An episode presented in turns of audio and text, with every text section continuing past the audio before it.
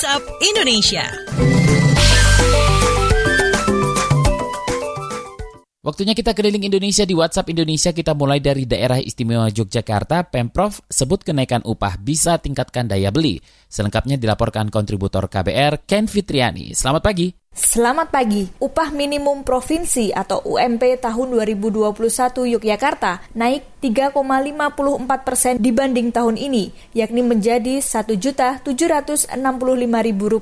Penetapan ini ditandatangani Gubernur DIY Sri Sultan Hamengkubuwono X melalui surat keputusan Gubernur DIY akhir pekan lalu. Sekretaris Daerah atau Sekda DIY Kadarmanta Baskara Aji mengatakan, penetapan itu berdasarkan rekomendasi Dewan Pengupahan dan tidak mengikuti surat edaran Menteri Tenaga Kerja Ida Fauziah. Kadarmanta Baskara Aji menjelaskan, saat ini Pemprov DIY tengah mensosialisasikan keputusan ini kepada kabupaten atau kota dan melakukan pengawasan terkait pelaksanaannya. Kata dia, bagi perusahaan yang tidak bisa menaikkan upah karena terdampak pandemi corona, maka bisa mengajukan penundaan atau keringanan kepada gubernur. Demikian saya Ken Fitriani melaporkan untuk KBR. Selanjutnya menuju Rembang, Jawa Tengah, mayoritas desa di Kabupaten Rembang tak sanggup salurkan bantuan langsung tunai sampai Desember. Kita simak laporan kontributor KBR Musyafa. Selamat pagi. Selamat pagi, mayoritas desa di Kabupaten Rembang, Jawa Tengah sudah kehabisan dana pada anggaran pendapatan dan belanja desa APBD tahun ini,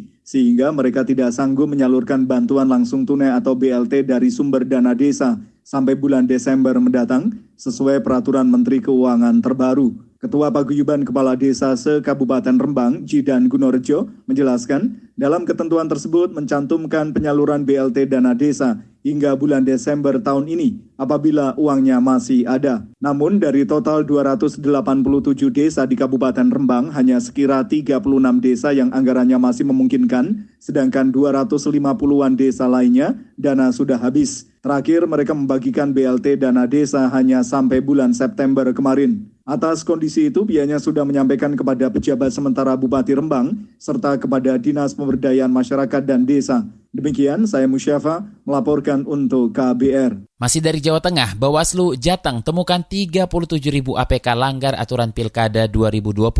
Kita simak kontributor KBR Aninda Putri. Selamat pagi. Ya, baik selamat pagi. Badan Pengawas Pemilu atau Bawaslu Jawa Tengah mencatat sebanyak 37 ribu alat peraga kampanye APK pemilihan kepala daerah Pilkada 2020 yang melanggar aturan. Humas Bawaslu Jawa Tengah Rofiudin mengungkapkan pelanggaran APK terjadi di 21 kabupaten kota Jawa Tengah lantaran APK tidak dipasang di lokasi yang telah ditentukan dan melebihi jumlah yang telah ditetapkan oleh KPU. Menurut Rofiudin, lokasi pemasangan alat peraga kampanye atau APK tidak boleh dipasang di tempat ibadah termasuk halaman rumah sakit atau pelayanan kesehatan, gedung milik pemerintah, dan lembaga pendidikan. Penertiban telah dilakukan sejak masa kampanye bersama Satpol PP masing-masing daerah.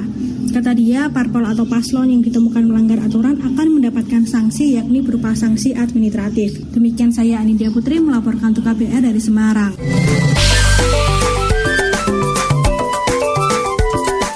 WhatsApp Indonesia.